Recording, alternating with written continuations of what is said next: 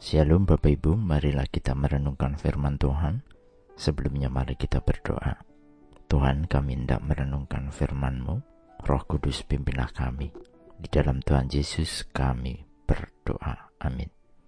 Bacaan saat ini diambil dari Amsal 25 ayat 2. Amsal 25 ayat 2. Kemuliaan Allah ialah merahasiakan sesuatu, tetapi kemuliaan raja-raja ialah menyelidiki sesuatu. Allah adalah pribadi yang tak terduga dari sifat-sifat dan perbuatannya. Allah telah memutuskan untuk tidak mengungkapkan segala sesuatunya dengan jelas. Ada banyak hal yang menjadi rahasia dan Allah rahasiakan. Allah senantiasa bertindak mulia tanpa mengungkapkan tujuannya yang manusia harus mengetahuinya manusia hanya bisa menikmati apa yang menjadi kehendak dan rahasia Allah yang sudah dinyatakannya. Ulangan 29 ayat 29 menuliskan, Hal-hal yang tersembunyi ialah bagi Tuhan Allah kita, tetapi hal-hal yang dinyatakan ialah bagi kita dan bagi anak-anak kita sampai selama-lamanya, supaya kita melakukan segala perkataan hukum Taurat ini. Hidup kita adalah hidup yang bergantung sepenuhnya kepada kasih dan pemeliharaan Allah. Namun tanpa kita sadari, terkadang kita berlaku mau bertindak menasihati Allah, mengatur Allah untuk melakukan sesuatu yang kita mau. Hendaknya kita menyadari bahwa tidak semua misteri Allah dapat kita cari, karena Dia tidak terbatas dalam hikmat pengertian dan jalannya. Sementara kita di sisi lain adalah makhluk yang terbatas. Namun Allah dalam kasih karunia-Nya mengizinkan manusia untuk mencari Dia dengan segenap hatinya, untuk menemukan kebenaran-kebenarannya, yaitu dengan cara menggali kebenaran yang tersembunyi dalam kitab sucinya kita diundang untuk merenungkan firman Tuhan senantiasa.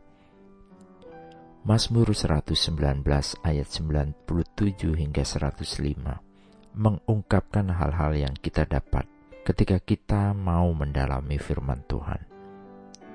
Betapa ku cinta Tauratmu, aku merenungkannya sepanjang hari. Perintahmu membuat aku lebih bijaksana daripada musuh-musuhku sebab selama-lamanya itu ada padaku. Aku lebih berakal budi daripada semua pengajarku, sebab peringatan-peringatanmu ku renungkan. Aku lebih mengerti daripada orang-orang tua, sebab aku memegang titah-titahmu. Terhadap segala jalan kejahatan, aku menahan kakiku, supaya aku berpegang pada firmanmu Aku tidak menyimpang dari hukum-hukummu, sebab engkaulah yang mengajar aku. Betapa manisnya janjimu itu bagi langit-langitku, lebih daripada madu bagi mulutku. Aku beroleh pengertian dari titah-titahmu, itulah sebabnya aku membenci segala jalan dusta. Firmanmu itu pelita bagi kakiku dan terang bagi jalanku. Manusia diundang untuk menikmati karya Allah dalam hidupnya dengan hidup bergantung kepada pertolongannya. Melalui firman Allah, kita belajar melihat hidup ini dan melihat Allah yang berkarya bagi manusia.